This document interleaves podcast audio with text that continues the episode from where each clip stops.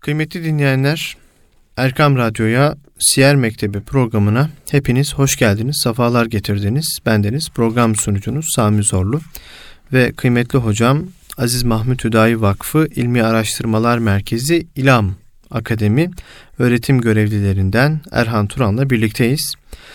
Peygamber Efendimiz sallallahu aleyhi ve sellemin hayatını anlamaya, anlatmaya, onun hayatından hayatımıza güzellikler taşımaya gayret ediyoruz.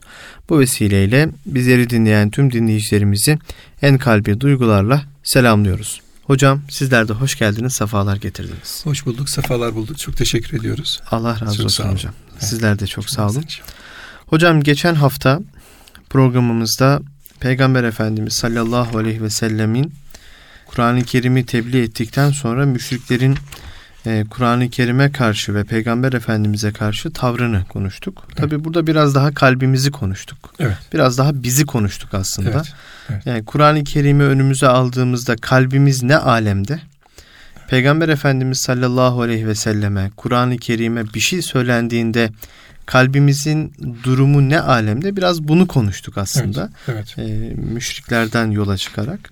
Bu hafta da yine Peygamber Efendimiz sallallahu aleyhi ve selleme bazı ithamlar yapıldı o dönemde. Evet. Müşrikler tarafından evet. ve bu ithamla kalmadı işkenceye de dönüştü. Evet. E, bunlardan bahsedeceğiz hocam. İnşallah. Hocam. O dönemde neler yaşandı bu hususta? Bismillahirrahmanirrahim. Elhamdülillahi Rabbil alemin. Ve salatu ve selamu ala Resulina Muhammed ve ala alihi ve ashabihi ecmain. Ee, Tabi geçtiğimiz derste biz müşriklerin Kur'an-ı Kerim üzerine atmış olduğu iftiralar ve ne görmüşlerdi Kur'an-ı Kerim'de hı hı. de niçin e, karşılık vermişlerdi ve ne yapmışlardı bunları biraz konuştuk. E, Tabi Kur'an-ı Kerim'in hem lafzı hem manası üzerinden Kur'an-ı Kerim'de istediklerine ulaşamayınca e, bu sefer tabiri caizse değneğin ucunu Resulullah Efendimiz'e çevirdiler. Evet. Çünkü e, muhatap somut manada bir Kur'an-ı Kerim bir de Efendimiz. Çünkü Peygamber Efendimiz Aleyhisselatü Vesselam'ın Kur'an-ı Kerim'i Allah'tan almış olduğu hali ile tebliğ etme vazifesi var. Evet. Ve bunu hayata tatbik vazifesi var. Ardından Kur'an-ı Kerim ayetlerini kendi hayatıyla yaşayarak beyan etme. Hı hı. Ardından burada olmayan hükümlerin ortaya konulması ve Kur'an-ı Kerim hükümlerini destekler hükümlerle açması hadisesi var. Tabi yan yana koyduğumuz zaman e, bir de dünya ahiret düzeni oluşturuyor Kur'an-ı Kerim. Onlara ağır gelmişti bu. Geçtiğimiz haftaki derste bunu konuşmuştuk. Ağır gelmişti. Kur'an-ı Kerim'in karşısına geçtiklerinde onu alt edecek, onu geçersiz kılacak herhangi bir güç kazanamadılar, delil ortaya koyamadılar. Ardından da Efendimiz Aleyhisselatü Vesselam'a oklar döndürüldü. E, dediler ki müşrikler özellikle ve onlara e, muhabbet besleyenler Hazreti Peygamber'in Kur'an-ı Kerim'i e, bir köleden, Hristiyan bir köleden öğrendiği iddialarını attılar. Evet. Yani siz onun yanına gelip giden bir köle vardı. Onun yanına devamlı girip çıkan birisi vardı. Yani kendi diyalog kurduğu, muhatap olduğu e, köleler vardı. Onlardan öğrendi. Çünkü o dönemlerde e, daha çok e, Mekkelilerin işlerini görenler Hristiyan kölelerdi. Evet. Biz baktığımız zaman Mekke ve Medine olarak ikiye ayırırsak Hazreti Peygamber'in tebliğ hayatını bunlardan birincisinin Mekke, Mekke'de daha çok Hristiyanların ve Hristiyan kölelerin aktif olduğunu görüyoruz. Medine'ye geçtiğimiz zaman da daha çok e, Yahudilerin daha çok aktif olduğunu görüyoruz. Daha yani hemen hemen Mekke'de Yahudi yok gibidir. Yani peygamberimizle muhatap olmuş ya da bizim nakillerimizde çok yok gibidir, görülmez. Ancak Hristiyanlar görülür. Mesela Hazreti Peygamber'in daha sonra Taif'e gittiğini, Taif dönüşünde Ninevalı Addas'la konuştuğunu biliriz. Ee, işte ilk vahiy geldiğinde Varaka bin Nevfel'e götürüldüğünü biliriz. Ya bu haliyle baktığımızda Hristiyanlar da sanki e, Mekke'de biraz var gibiler. Ayet-i kerime de e, bunu dile getirir. Estağfirullah ve lekad na'lemu ennehum yekulune innema yuallimuhu beşerun lisanullezî yulhidûne ileyhi a'cemiyyun ve hâzâ lisanun arabiyyun mubin. Hem olayın kendisini Kur'an anlatır hem de bu olaya cevap verir. Yani burada şüphesiz onların Kur'an'ı bir insan öğretiyor dediklerini biz biliyoruz. Yani onlar e, bu iddiaları Kur'an'la da sabit bir iddia. Biliyoruz. E, oysa düşünmeleri lazım onların. Ne o? E, kendisine nispet ettikleri şahsın dili yabancıdır. Yani bu Varaka bin Nevfel de olsa böyle, Addas da olsa böyle. Yani yabancıdır.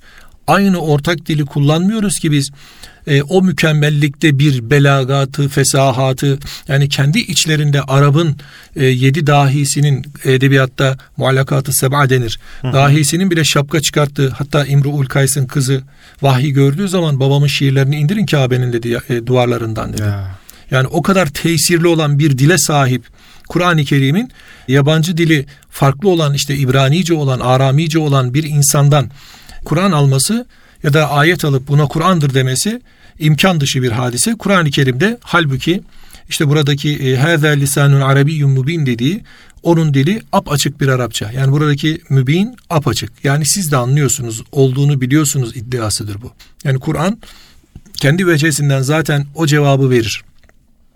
Bir diğeri sen Kur'an okumadın yazmadın. Yani ve kunte tetlu min kablihi min kitabin ayeti var işte Ankebut suresinde.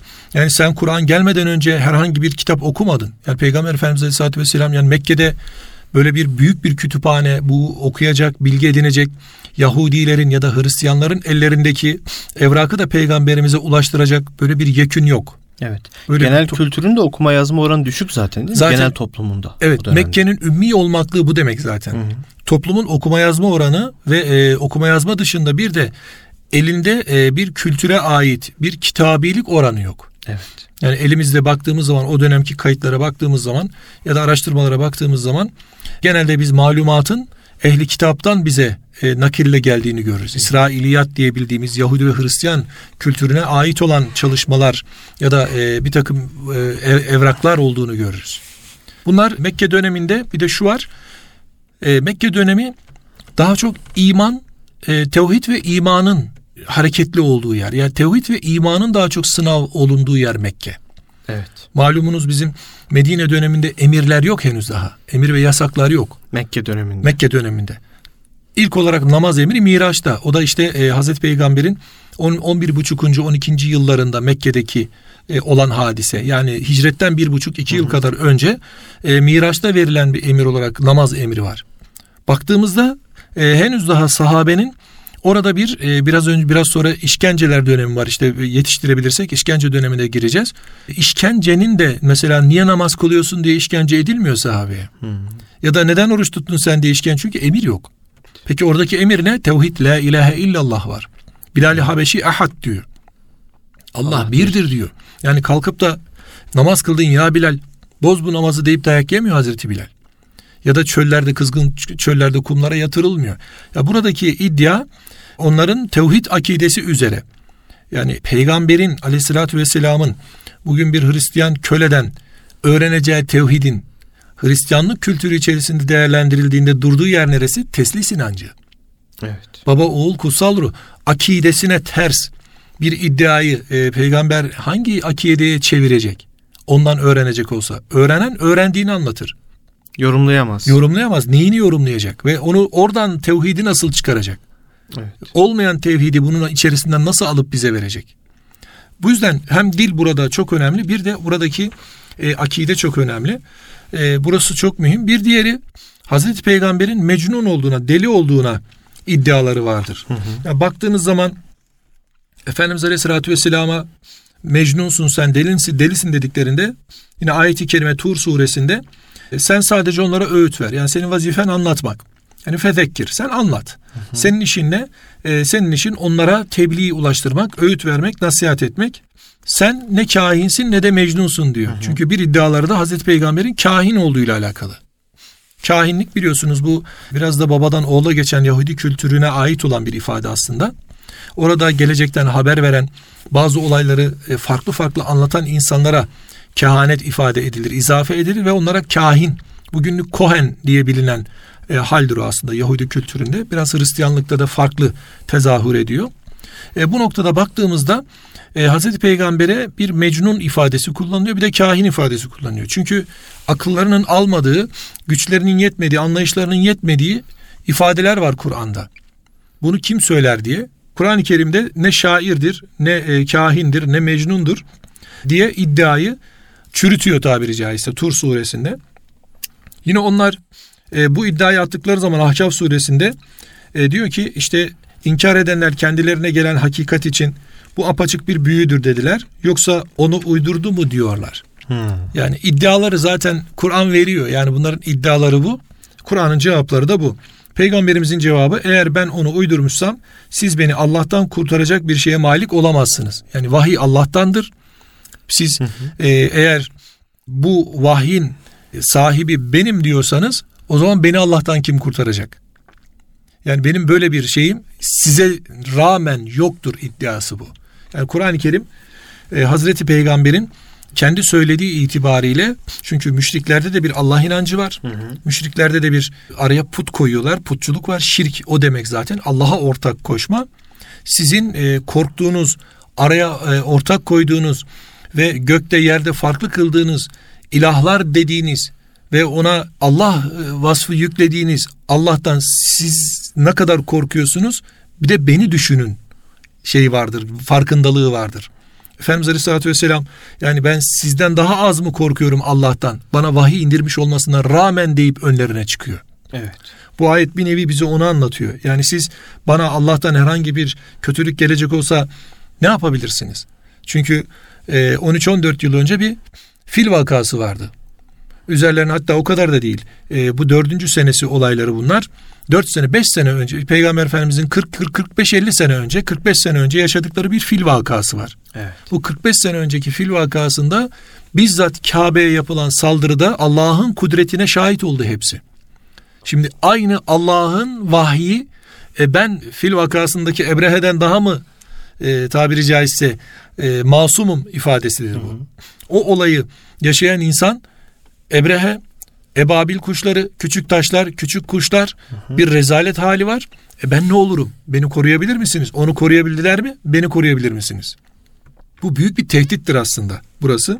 Allah sizin Kur'an hakkındaki taşkınlıklarınızı daha iyi bilir deyip Cenab-ı Peygamber Efendimiz e, Kur'an ayetleriyle onlara karşılık çıkıyor. Yine sihirdir diyorlar Kur'an-ı Kerim için. Yani o bir sihirden büyüden ibarettir diyor. Biraz önce söylediğimiz gibi aynı iddialara e, yine Ahkaf suresi bu cevapları veriyor. Tabi altından kalkamıyorlar. Şimdi ne ortaya atacak olsalar işte Hristiyan bir köleden öğrendin iddia çürütülüyor. Evet. Mecnun sözüdür iddia çürütülüyor. Kahin sözüdür, sihirbaz sözüdür vesairedir. Hepsi çürütülüyor. Artık diyorlar ki biz e, bu işe bir çare bulalım. Müşrikler bir araya geliyorlar. Darun Nedve'de toplanıyorlar. Hı hı. Diyorlar ki ne yapalım? Yani burada nasıl bir tavır? Hatta orada Velid bin Mugire de e, hareket halinde. Çünkü onun ilmi birikimi diğerlerine göre daha fazla. Hı hı. Diyor ki yani buna şiir, şiir diyemeyiz. Yani kendileri iddiayı ortaya atıp kendileri iddia çürütmeye başlıyorlar. Yani ben şiirin her çeşidini bilirim diyor Velid bin Mugire. Bu, Bu şiire şiir benzemiyor. Nesirdir yani bildiğimiz yazı haliyle önümüze gelmiş olan bir şeydir diyeceğim diyor.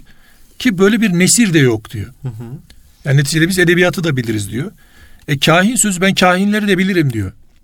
Ya kahin sözü olsa az çok kahinin sözünün nereye e, tekabül edeceğini, nereye değeceğini tahmin eder bilirim diyor.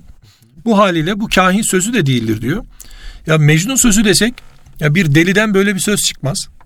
E, sihirdir desek, e, sihirbazların işleri bu değil. Üflemiyor çünkü. Herhangi bir adamı işte düğün bağlamıyor. Yani böyle bir mesleği yok. Evet. E, hayatımızın içinde yaşayan bir insan. Yani ne diyebiliriz tartışıyorlar. Ardından söyleyebilecekleri tek bir iddia ortaya çıkıyor. Akrabalar arasına arasına ayrılık tohumları ekiyor. Neden? Çünkü bakıyorsunuz e, işte Musab bin Umeyr iman ediyor, annesinden babasından ayrılıyor. Hı hı. İşte bakıyorsunuz işte diğeri e, iman ediyor, Hazreti, Hazreti Ali Efendimiz iman ediyor, babasından ayrılıyor. Yani bu ne yapmış oluyor? Onlardaki kabileciliği e, körüklemeye çalışıyor. Yani kendi aralarında bir kabile hareketini körüklemeye çalışıyor yani. Bizim aramıza nifak sokuyor, bizim aramıza ayrılık sokuyor. Ardından da bizler arasında bir savaş, bir kavga çıkaracak diye bir iddiayla en fazla buraya gidebiliriz diyor. Ve sonrasında bunun üzerinden artık e, tebliğlerine başlıyorlar kendilerince. Yalnız durmuyorlar. İşte başta işte As bin Vail olmak üzere işte Ebu Leheb, Ebu Cehiller Hazreti Peygamber Efendimiz'e iftiralarda bulunuyor. As bin Vail ebterdir diyor mesela. Hmm. Yani o Arap topluluğunda erkek evladın neslin devamı, soyun devamı için kıymetli olduğu zamanlarda Hazreti Peygamber'in e, ciyari güzinleri vefat etmiş. Hazreti Peygamber işte oğulları vefat etmiş. Yok kimse yani kız çocukları var. Böyle olunca kız çocuğunu evlattan saymadılar. Dediler ki sen eptersin dediler. Tabi burada Cenab-ı Hakk'ın Hazreti Peygamber'e olan e, ihtiramı ortaya çıkıyor. Kevser suresi nazil oluyor. Asıl epter olan odur diye. Neticede epter olma hali e, soyun devamı hali ise bugün As bin Vail'in soyu kesildi. Evet. Ama Peygamber Efendimiz Aleyhisselatü Vesselam'ın hem seyyid hem şerif anlamında nesli devam ediyor. Hala günümüzde evet. peygamber torunları, peygamber e, sülalesi devam ederek günümüze kadar ulaşıyor. Demek ki ebter olmak sadece evladının erkek olması hadisesi değil. Burada önemli olan evladın iman üzere olması hadisesi. Evet. Çünkü Hazreti Nuh gemiye bindiğinde gemiye binmeyen, inkarcı olan evladı erkekti. Yani burada e, cinsiyetten ziyade iman öndedir. Yakınlıktaki kurbiyetten ziyade de iman öndedir. Buna dikkat çekmek lazım. Evet. E, tabi inanmadılar. Sebepleri tabi bunun e, fazlaca. Bunun başında kibirlilikleri var. Yani e, hem kibirleri hem şımarıklıkları bu Sebe suresinde de anlatılıyor. Hem kibirleri hem şımarıklıkları onların imanına mani oluyor mal ve evlada olan muhabbetleri, güvenleri, benim malım var bana kim ne yapabilir duruşu. Bir diğeri rahatını bozmak istemiyor. Çünkü iman etmek külfet getiriyor. Evet. Yani e, bakıyorsunuz bir mükellefiyet var. Arkasından sorumluluklar geliyor. Fakiri fukara yedirme, garibe gurabaya sahip çıkma, yetimi yütemanın başına okşama. Yani böyle bir sorumluluk alanı açıyor tabi yerindeyse. E, o da rahatlarına dokunuyor. Rahatlarını bozmak istemiyorlar. En önemlilerinden bir diğeri bir tanesi ataların dinini terk etmek istemiyorlar. Çünkü alışkanlıkları üzere bir dinleri var. Bu dini doğru kabul etmişler. E, neticede kendilerine hayırla e, tevafuk ediyor. Böyle olunca bundan vazgeçmek istemiyorlar. Evet. Bu bize günümüzü de anlatıyor. Yani Kur'an-ı Kerim ve hadis-i şerifleri okuduğumuz zaman imanı anlamaya çalıştığımız zaman imanın iki şekilde tezahür ettiğini görüyoruz karşımıza. Bir takliden geliyor. Taklidi iman diyoruz. Bir de tahkiki iman diyoruz. Taklidi iman yani anne babadan gördüğümüz hal üzere iman etme, onlar gibi namaz kılma, onlar gibi oruç tutma, onlar gibi peygambere, Allah'a, kitaba, Kur'an'a bu önemli.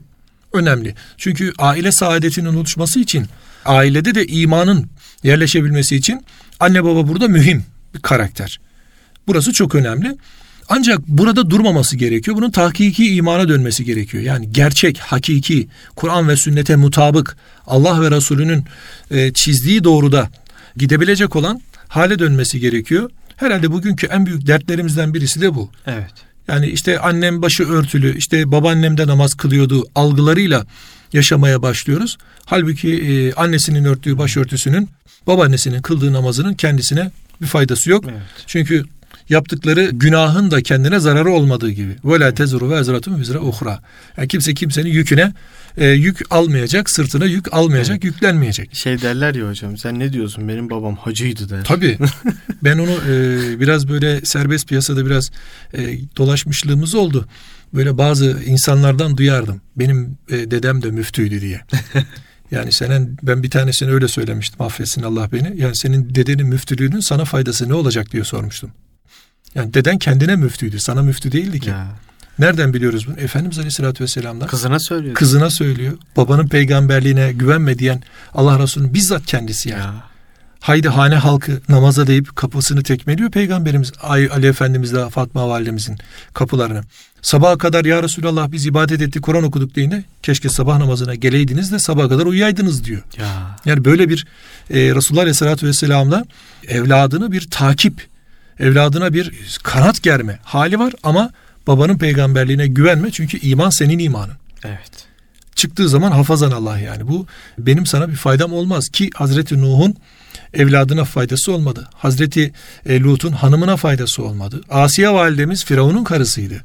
Ya. Koyduğumuz zaman yan yana iman kurbiyette e, akrabalığın önüne geçiyor. İman varsa akrabalık var. Yoksa akrabalık da gidiyor. Yine evet.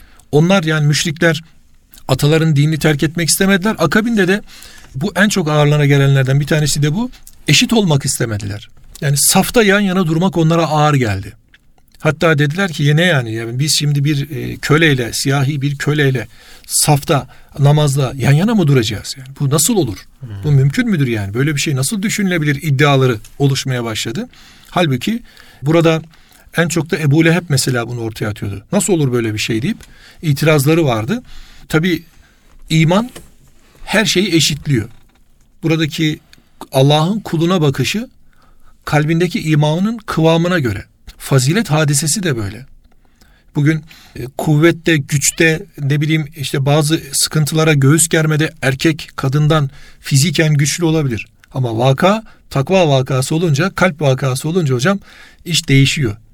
Yani bugün bir hanımefendi birçok e, adamı bu noktada cebinden çıkarır haldedir yani.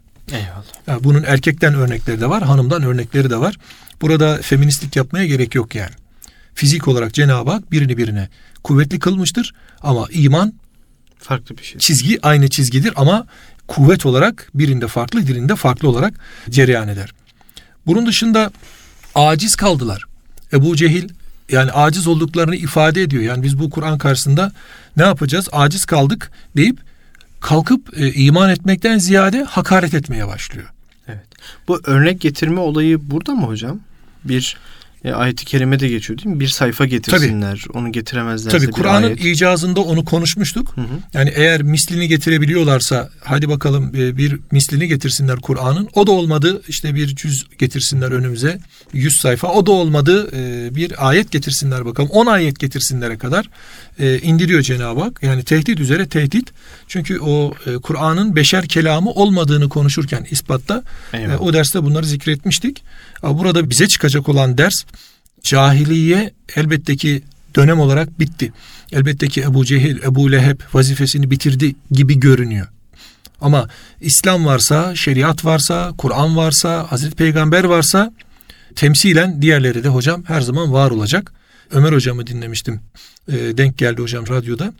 Bir tezden bahsederken e, bu 28 Şubat döneminde 15 yaşına kadar çocuklara İslam eğitiminden e, İslami eğitim verilmeyecek çocuklar bundan bırakılacak hafızlık yaptırılmayacak vesaire denilince hocam yani yazık bu böyle bir şey nasıl olur? Çocuğun öğreneceği, öğretileceği yaş o vakittir. Niye böyle bir iddia eder bir insan? Buna imza eden, imza atan adam nasıl bir imana sahip diye sormuştu. Çok hoşuma gitmişti o ifade. Evet. Neticede bizim Kur'an'ı beşikten mezara öğrenmemiz ve Kur'an'ı ve e, sünnet seneyi e, beşikten mezara kadar öğrenip hayata tatbik ederek yaşamaklığımızın esası vardır hocam. Bu olmalıdır. Eyvallah. Bitmedi tuttular dediler ki Hazreti Peygamber'in her şeye rağmen vazgeçmediğini sabırla ve e, sebatla bu yolda devam ettiğini sahabe-i kiramın da e, geri adım atmadığını görünce o zaman eziyetlerin daha büyüğü başladı hocam. İşkenceler başladı. Eyvallah. Hocam Arif Nihat Asya diyor ya naatında diller, sayfalar, satırlar Ebu Leheb öldü diyorlar. Ya. Ebu Leheb ölmedi ya Muhammed. Ebu Cehil kıtalar dolaşıyor. Ya hocam. Cemil Meriç'in de bir ifadesi var hocam. Bu kavga diyor Hira Dağı'nın çocuklarıyla Olimpos Dağı'nın çocuklarının kavgasıdır diyor. Kesinlikle hocam. Kesinlikle. Kesinlikle. Kavga devam ediyor, Çünkü mücadele hocam, devam ediyor. Tevhid varsa hocam. elbette ki tevhidin dışındakiler de olacak. Eyvallah. Tevhid kendisiyle düşman olanla savaşacak. Bizim hangi safta durduğumuz mühim. Biz evet. hangi aralıkta duruyoruz? Tevhide sahip çıkıp tevhidi yaşamaya çalışan, dini mübini İslam'ı aziz kılıp el İslamu ulya ve la yu'la diyor peygamberimiz. Yücedir. Hep yüce kalacaktır, alçalmayacaktır. Biz zıttı olan alçalanlarla beraber mi duracağız? Yoksa o yüceydi, yüceyle beraber mi duracağız? Ki o bir asansör gibi bindiğimiz zaman kendi yükseldikçe bizi de yükseltiyor. Yani Kur'an'a sahip çıkmakla, dini mübini İslam'a sahip çıkmakla biz aslında onlara bir değer katmıyoruz. Onlar bizi yüceltiyor. Eyvallah. Bu sebeple bizim hangi safta durduğumuz çok önemli. Karınca misali, bir güvercin misali, bir kuş misali Eyvallah. ağzımızda suyla neredeyiz? Yolundayız. Yani. Yolundayız. En azından bunu Eyvallah. diyebilmemiz gerekiyor. Allah ne Kur'an'dan ne Hazreti Peygamber'in yolundan tabi evvela Cenab-ı Hak'tan bizleri ayırmasın. Amin. Bizlere her zaman için Kur'an'ı ve sünnet-i seneyi hakkıyla anlamayı, yaşamayı nasip eylesin. Allah razı olsun. İnşallah hocam. hocam. Çok çok teşekkür ediyoruz hocam. Bitirdik çok sağ olun. Yine? Bugünlük de programımızın sonuna geldik. Peki. Ee, gönlünüze sağlık. Allah Cümlemizden razı olsun. Önümüzdeki hafta e, işkence döneminden devam etmiş olacağız inşallah. İnşallah. Kıymetli dostlar, Erkam Radyo'da Siyer Mektebi programının bu haftalıkta sonuna geldik. Kıymetli hocam Erhan Turan'la birlikte Peygamber Efendimiz sallallahu aleyhi ve sellemin hayatından hayatımıza güzellikler taşımaya çalıştık. Bu hafta yine Kur'an-ı Kerim'i konuştuk. Kur'an-ı Kerim'e bağlılığımızın öneminden bahsettik. Peygamber Efendimiz sallallahu aleyhi ve sellemin döneminde Peygamber Efendimiz'e bu hususta neler yapıldı, neler yaşandı bunları konuşmaya çalıştık. Önümüzdeki hafta yine bu konulardan konuşmaya devam edeceğiz. Allah'a emanet olun. Kulağınız bizde olsun efendim.